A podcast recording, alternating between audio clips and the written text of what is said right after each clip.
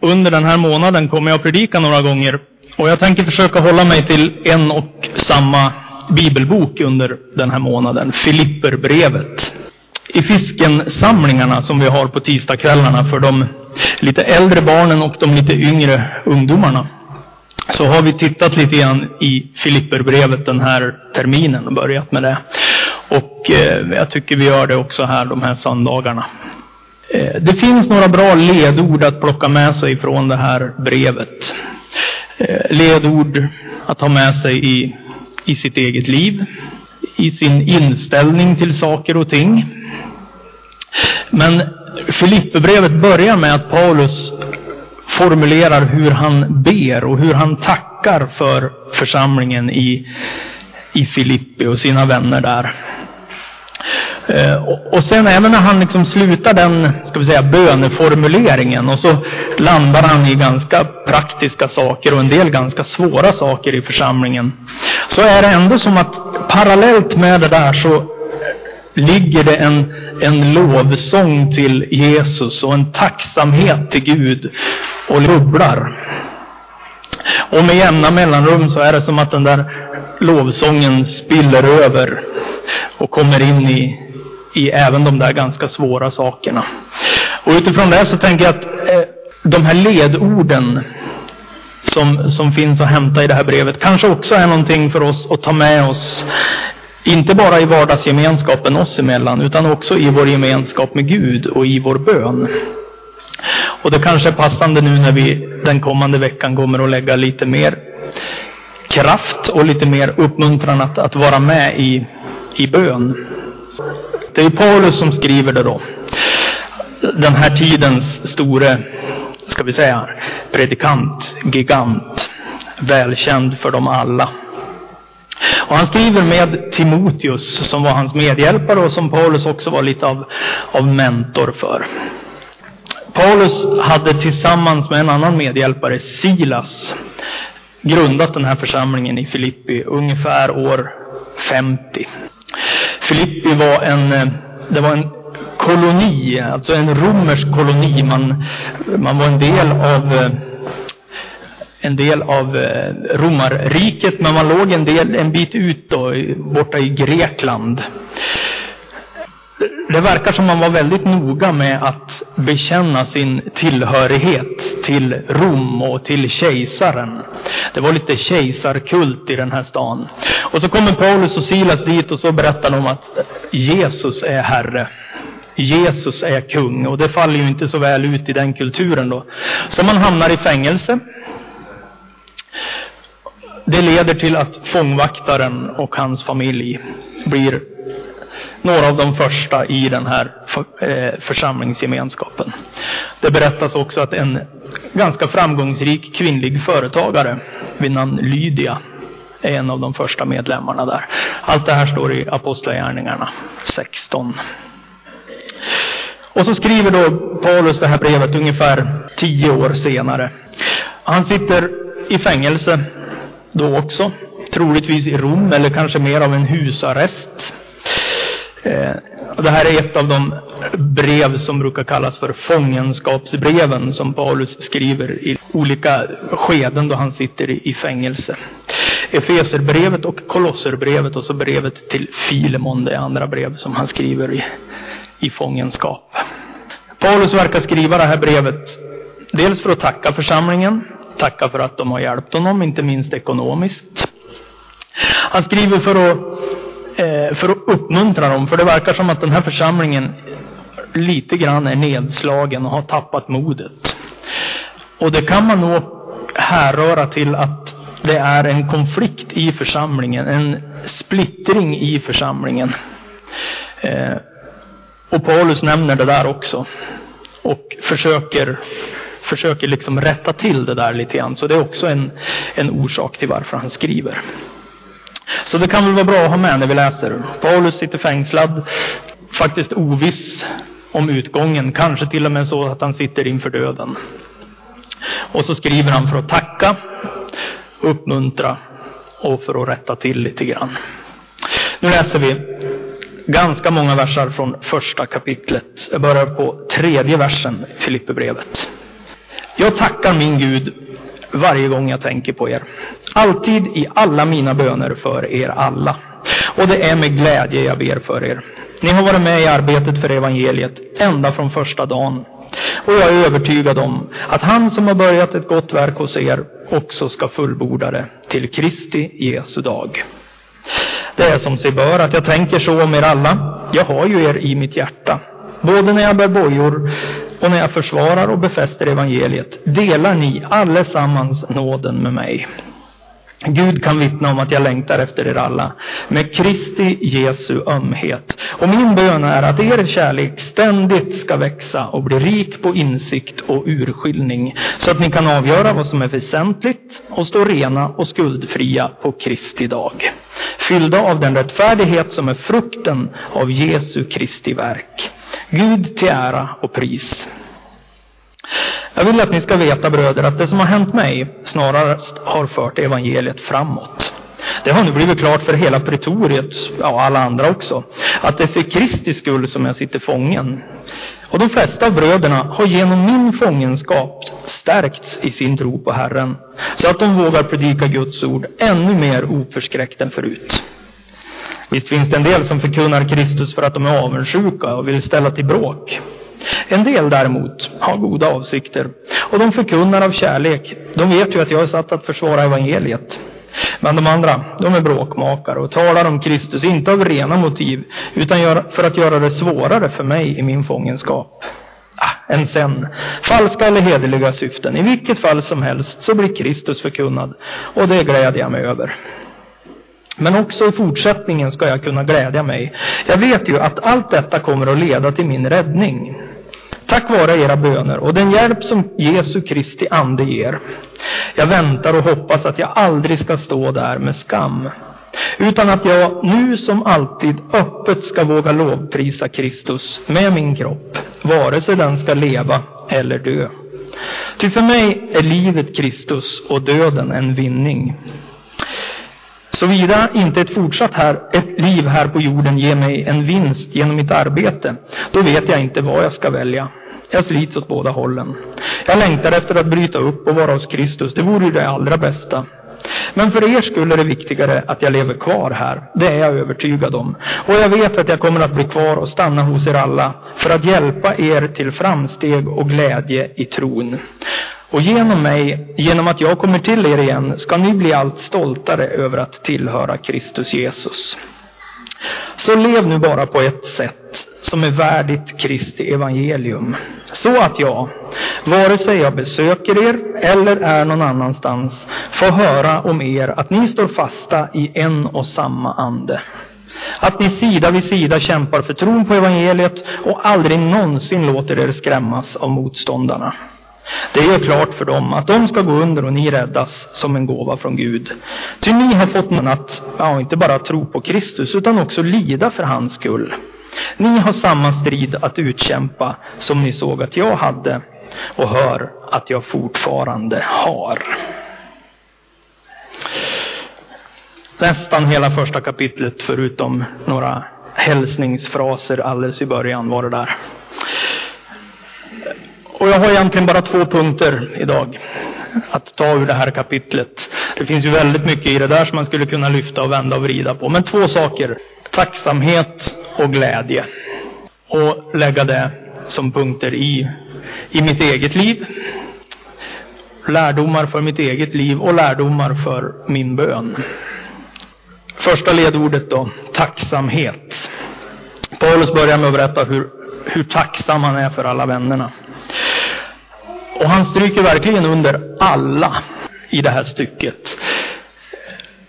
I fiskensamlingen för några veckor sedan så satt vi och räknade hur många alla och allesammans det fanns i det här första stycket.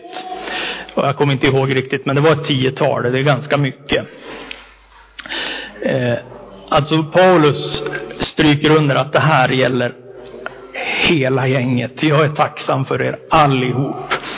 Alldeles i början så säger han visserligen så här att eh, det här är till församlingsledarna, men sen resten av brevet, allting i brevet verkligen stryker under att det här gäller alla. Och vi satt som sagt på fisken där och spekulerade lite grann. Hur kunde det kännas för de här för den här församlingen när det här brevet från Paulus ramlar in. Han som ju var lite kändis ändå. Och så var han ju den där store grundaren av församlingsgemenskapen och så här. Och så kommer ett brev från honom. Lite högtidligt nästan och, och öppnar det sådär. Men det finns ingenting i det här brevet som antyder på något vis att Paulus skulle tycka att ja men här hörni, ni små där borta. Nu ska ni få ett brev från stora jag. Utan allesammans. Ni betyder någonting. När jag är ute på världsturnéerna här, ja då är det som att ni är med. Därför att vi hör ihop. Och nu när jag sitter fängslad här, ja då, då känner jag ert stöd. För vi, vi sitter ihop liksom, vi hänger ihop. Om, om tanken och målet var att uppmuntra så börjar han ju fantastiskt bra måste jag säga. Va? Men det är inte bara någon allmänt hållen tacksamhet så här. Att tänk, tänk vad tacksamma vi måste vara ändå till vilka omständigheter vi lever i. Eller man vill ju ändå tacka livet som har gett mig så mycket, eller hur det är va. Utan det är en klar adressat även där. Jag tackar alltid Gud i mina böner för er.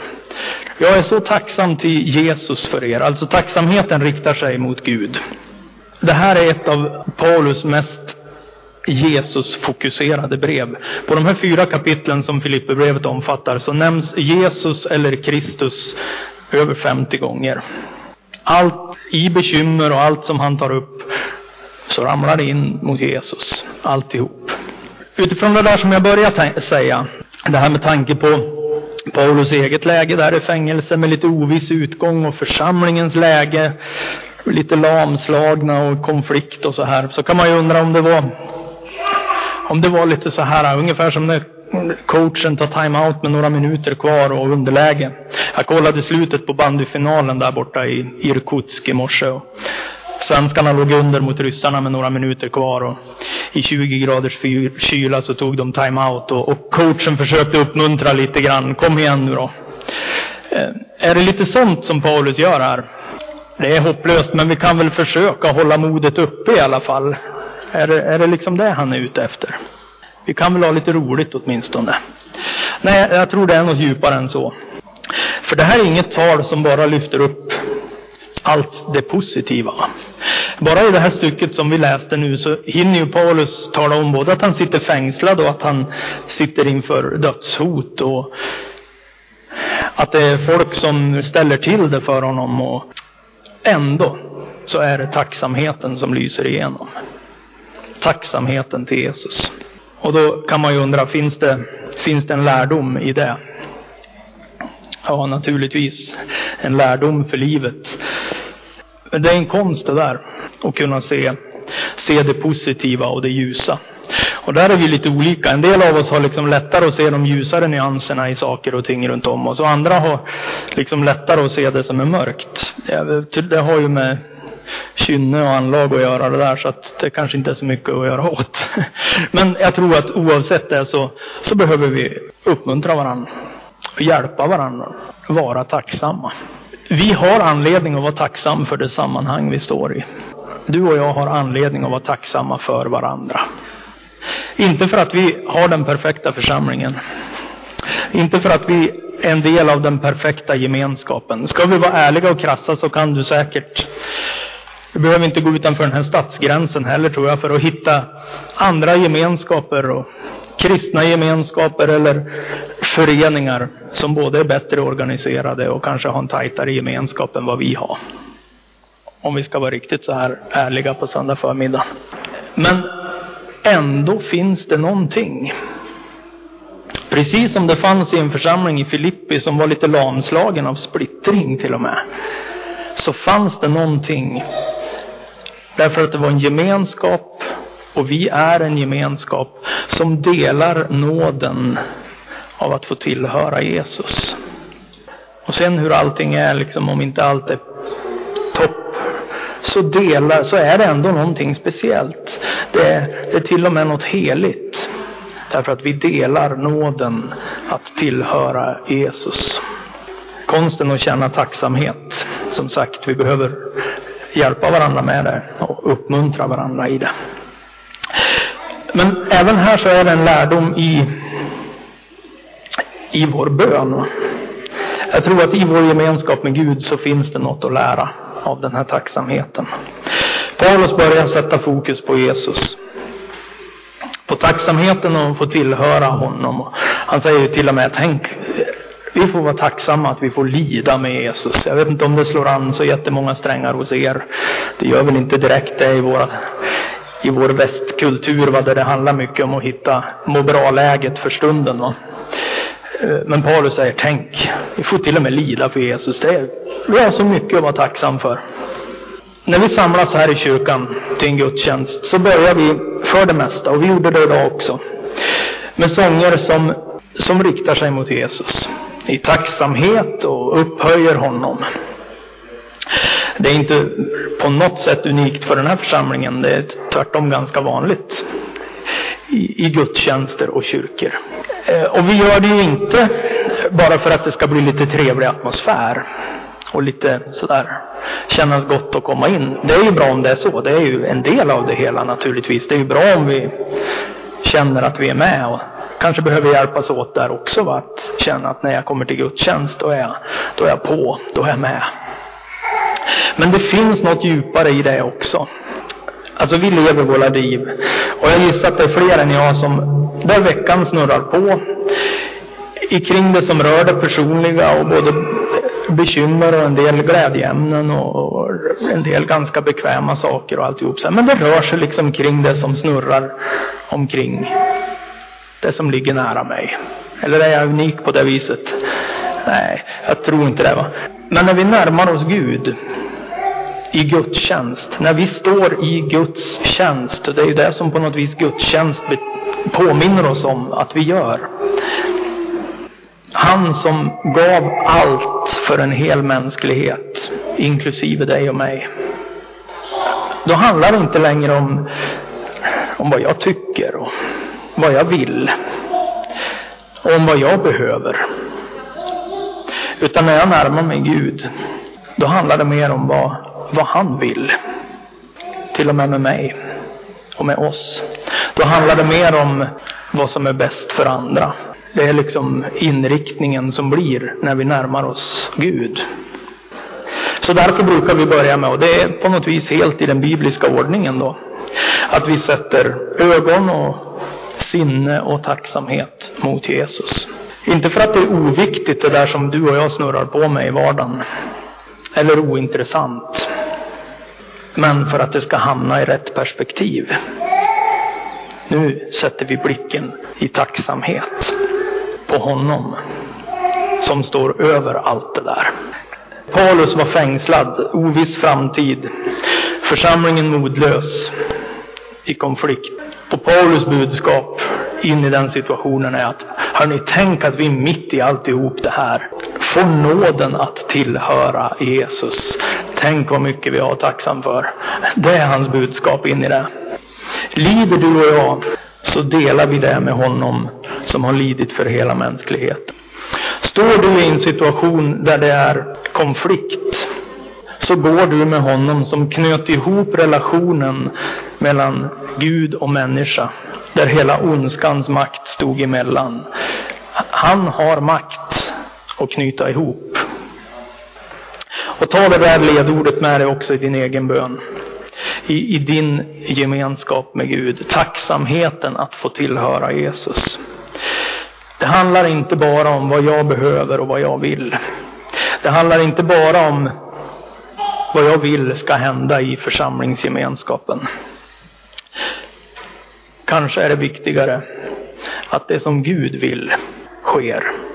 Jag tror att i tacksamheten ställer vi liksom in oss mot honom och så får vi vara med och se där han leder. Andra ledordet från det här kapitlet, men egentligen från hela, hela Filipperbrevet, är glädje. Ska man sammanfatta det här brevet i några korta ord, då är det ju det här. Gläd er alltid i Herren, för det återkommer. Var glada. Alltså glädje kan vara på olika plan. Eh, Ronny Eriksson, känner ni till det namnet? Han är komiker från Norrbotten någonstans. Han berättade när han eh, just omkring det här med att glädje uttrycks olika. Att ska man bli komiker då ska man börja i Norrland. För han liknar det vid som att åka skidor med bakhalt hela tiden. Eh, och så berättade han hur han skulle eh, starta en turné med en sån här ståuppkomikföreställning. och så började han i något Folkets hus någonstans uppe i Norrland här och så drog han igång med sina skämt och grejer. Och alla satt där med armarna i kors och rörde inte en min. Skulle nästan kunna tro de var i kyrkan. Och han drog skämt på skämt och inget hände. Och när han var klar så gick han till den där logen eller den där skrubben han hade fått i det där Folkets hus och så satt han och tänkte, ska jag dra den här föreställningen runt landet? Det kommer ju att bli, vilket fiasko. Och sen då kommer det in en gammal gruvarbetare med stornäven och så trycker han hans hand och så säger han, Hörru, det här var det roligaste vi har någonsin har varit med om i den här byn. Men alltså för, för att klara en lång vinter, då gäller det att ta in och ta in och ta in och så stänga till. Och inte släppa ut något. Och alltså, det kanske inte är så att det finns glädje över så att det kommer ut i form av ett skratt. Det kanske kommer ut på det viset att man låter bli att grina någon gång istället. Glädje uttrycks olika, eller glädje finns på olika sätt. Var glada. Vad är det Paulus menar? Jag tror inte han liksom uppmanar oss att se till att flamsa och skratta lite mer. Det är bra för oss det också. Sätt på någon from leende mask och, och verka som att du har roligt och är glad. Det är ändå det viktigaste. Sen om hjärtat håller på att bryta sönder där inne och gråter och, och själen spricker, det är inte så noga. Se åtminstone glad ut. Är det det han menar? Nej, jag tror inte det. Det finns något djupare. En, en djupare glädje som blir en botten att stå på. Paulus blundar som sagt inte för motgången i det här brevet. Första gången han säger i det här brevet att han är glad, det är då i början där vi läste att jag, är så glad varje gång jag ber för er och tackar för er i mina böner. Och det tycker man, ja men det, det känns ju väl motiverat. Att du är glad för dina vänner. Andra gången han säger hur glad han är, det är när han berättar hur det finns folk som åker runt i församlingarna och utnyttjar den plattform de får för att ställa till med bråk och ställa till med, ja, eller bara för egen vinning. För det ställde nog till det för Paulus, för det var nog så, säkert så att eh, förtroende för predikanterna raserades och förtroende för församlingarna raserades i med det. Och det, det, blev besvärligt också för honom. Och så säger han, ah, får vara som du vill. Jag är glad ändå, ja. För det är Jesus som blir predikad. Där har jag lite svårare att se det stora glädjeämnet om jag ska vara ärlig. Men Paulus säger, det är ju bra ändå. Jag är glad, jag. Första gången uppmaningen kommer i det här brevet att var glada i Herren. I början på tredje kapitlet. Då har han just berättat att en av hans medhjälpare som ursprungligen var från Filippi skulle, få, skulle komma hem till dem. Epafroditos. Men så berättar han hur, hur otroligt sjuk den här mannen har varit. Och han har till och med varit nära döden. Men nu är han piggare igen och nu ska han få komma hem. Nu kommer han hem till er. Och det är klart, då känner man ju, jo visst, var glada. Men det där glad, var glada, där i början på tredje kapitlet, är kanske inte så mycket ett, ett var glad för att Epafroditos är pigg, utan det är var glada är Herren. Och så sätter han igång och så tar han tag i bekymret i församlingen med splittringen. Det är liksom startskottet på den delen av brevet. Och han, han tar tag i det ordentligt. Han nämner dem vid namn som ställer till det här och säger Håll sams, du och du. Och så tar han tag i, i själva sakfrågan också. Det handlade om att, att några tyckte att den här gamla judiska seden med omskärelse, det borde man nog ändå hålla på med i församlingen också. Och så säger Paulus att det handlar inte om vad vi presterar, vad vi gör på kroppen eller på vad vi på annat sätt presterar. Det vi står i nu, Guds rike, det handlar om vad Jesus har gjort. Så lägg av med det där. Och så avslutar han den kapitlet av krassa uppmaningar med att säga gläd er alltid i Herren. En lärdom för, vår, för min vardag är kanske, var hittar jag mina källor till glädje? För de källorna, de, de, behöver vi och de söker vi. Kanske i synnerhet om omständigheterna runt omkring oss inte är riktigt på topp. Eh, och frågan är som sagt, var, var letar jag den där glädjen? Var hittar jag den någonstans? Jag tolkar Paulus uppmaning här som en påminnelse. Att den där djupaste glädjen, den där som blir en botten att stå på, den hittar vi i det där. Vi har fått nåden att tillhöra Jesus. Sen är det ju så. Vi, vi är människor och vi behöver de här små glädjeämnena och uppmuntran. En del hittar dem i och man känner att nu skulle jag behöva uppmuntras lite. Så köper man någon liten trevlig sak till hemmet och hänger upp någonstans och så känner man sig lite gladare en stund. Jag hittar någon liten rolig teknisk pryl som jag kan titta på en stund och så känner jag mig lite gladare. Någon åker ut och åker någon resa, någon nöjer sig med att köpa en bra bok och tycker att det är bra. Någon spelar en rad på hästar och tycker att det vart det spännande ett tag. Någon kanske till och med tar till och dricker något drickbart. En del sätter bättre och andra är sämre och en del är riktigt dålig kan man väl säga va. Men alltså, vi är människor och de där äh, glädjeämnena behöver vi. Nu sa jag inte att det var okej okay att dricka eller spela bara för det. Utan I Jesaja andra kapitel så finns en vers där Guds folk tillrättavisas. För att man, man övergav de friska källor som, som Gud gav. Och jag tänker att det är, om vi för över det på den här berättelsen så handlar det om, om det där att hitta den djupa glädjen i, i att jag tillhör Jesus.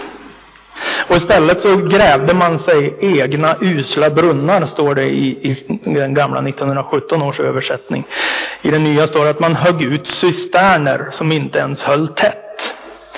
Då får man fylla på vatten hela tiden och så blir det lite småunket och så blir det bara besvärligt.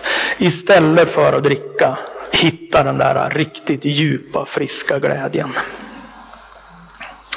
Om vi förvränger tron till att bli den där masken. Vi ska åtminstone alltid se glad ut.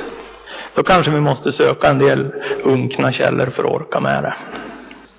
Men Paulus uppmaning här handlar nog mer om att ja, han blundar ju inte för att nu, nu står vi i ett besvärligt läge. Både ni och vi, säger han. eller ni och jag. Vi står i bekymren, vi står i sorgen, vi står i, i, i allt vad det nu kan vara. Men du får fejsa den, du får konfrontera den. Sopa den inte under mattan. Men kom ihåg att glädjen som bär igenom hittar du ingen annanstans än att du genom allt tillhör Jesus. För tio år sedan ungefär så, så blev jag sjuk. Ungefär den här tiden på året, lite tidigare, eller ja, före jul var det nog. Det var en sån här årlig vinter magsjuka som snurrade i familjen och ni vet, har man barn på, på dagis och, och skola så hör det nästan till. Va? Och vi började pigga på oss efter det där efter jul där någon gång. Men jag blev inte riktigt kry. Det ville liksom inte riktigt släppa. Det där hade triggat igång någonting i magtrakten på mig. Och, och det där höll i sig. Men ni vet det här med att gå till doktorn är ju lite överskattat. Så det gick någon månad och det gick två och det gick tre. Och jag började tappa vikt och sådär. Jag var nog nere på 25-30 kilo mindre än vad jag är idag. När det där vände. Och då började jag bli lite orolig. Marit hon var orolig långt innan dess kan jag säga. Och så blev det lite sömnlösa nätter där framåt. Man började fundera. Och då är det, då är det ju så, då, då målar man upp de värsta scenarierna. Sen hittar man till slut vad det var och det, det där håller sig schack bra nu med, med lite pillerätande och, och översyn sådär. Så det funkar. Men, men då var de där nätterna när man började fundera i de där, som sagt, värsta scenarierna. Vad händer? Är det så att, min, att mina dagar börjar vara räknade nu? Ja, för min del är det väl en sak, ungefär som Paulus sa va. För min del är det väl en sak, men, men de mina, de som står nära då? Och jag vet en natt satt jag, eller jag låg där och funderade och tänkte, men, men allt det här som jag har pratat om då och predikat i en 10-15 år då om tryggheten i tron och glädjen genom allt och så här. Är det bara snack? Nu när det kommer till skarpt läge. Och någonting hände den natten. Det var ingen syn och det var inget helande. Och det var inget dramatiskt. Men någonstans den natten i mina funderingar så sjönk det ner på botten. Den där glädjen i att genom allt så har jag nåden att tillhöra Jesus. Och det gäller det mina också. Jag satt med den natten och, skrev en av mina sånger som handlar om att, att få leva vid en, en dörr in till en, en festsal och förväntan att en dag så går den där dörren upp. Av, av eh, de, mina enkla alster så är det nog den som ligger mig närmast hjärtat för den, den bottnade i den natten. Glädje i, inte garv åt ett skämt, men glädje i att genom allt så tillhör du och jag Jesus. Lärdomen i bönen utifrån den punkten är väl ungefär densamma. Va? Livet, och, livet och bönen går hand i hand. Be för det du står i.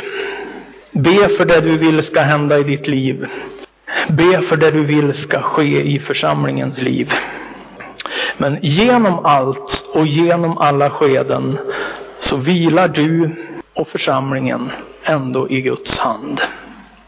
Att be är inte att rada upp en massa bönämnen. Och om vi ber tillräckligt mycket och tillräckligt rätt och tillräckligt bra så måste till, Gud, till slut ändå Gud lyssna på oss och börja göra något.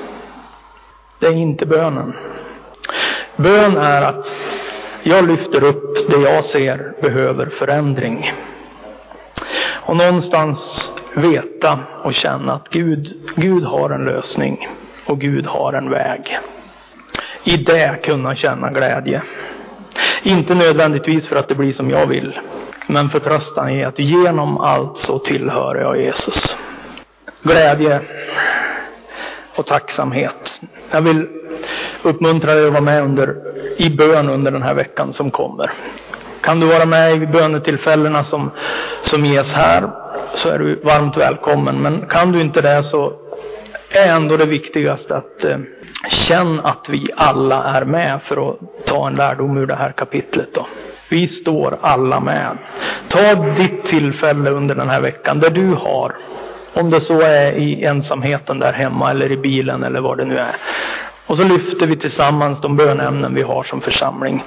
Jag har spetsat upp några i månadsbladet och de finns på hemsidan också där vi liksom ber för gemensamt. Sen har du naturligtvis dina bönämnen också. Vi ber inte för att om möjligt lyckas bli så bra eller klättra så högt på bönestegen att Gud till slut ser oss. Utan vi ber och närmar oss Gud för att kunna känna hans puls och hans riktning. Känna tacksamhet och glädje i tro att han vill leda oss och att genom allt så tillhör vi honom. Det får vara Filipperbrevet 1. Herre, Tack för den där glädjen som inte alltid kommer ut i, i ett skratt, men som finns i botten. Tack för tacksamheten i att få tillhöra dig och att du har perspektiv som inte vi har. Tack för oss var och en som är här. Oss som församling och kyrka, där vi står inför och där vi längtar efter. Tack att du ser det och du vill möta utifrån det du har och din väg. Låt oss känna din puls. Låt oss känna din riktning. Amen.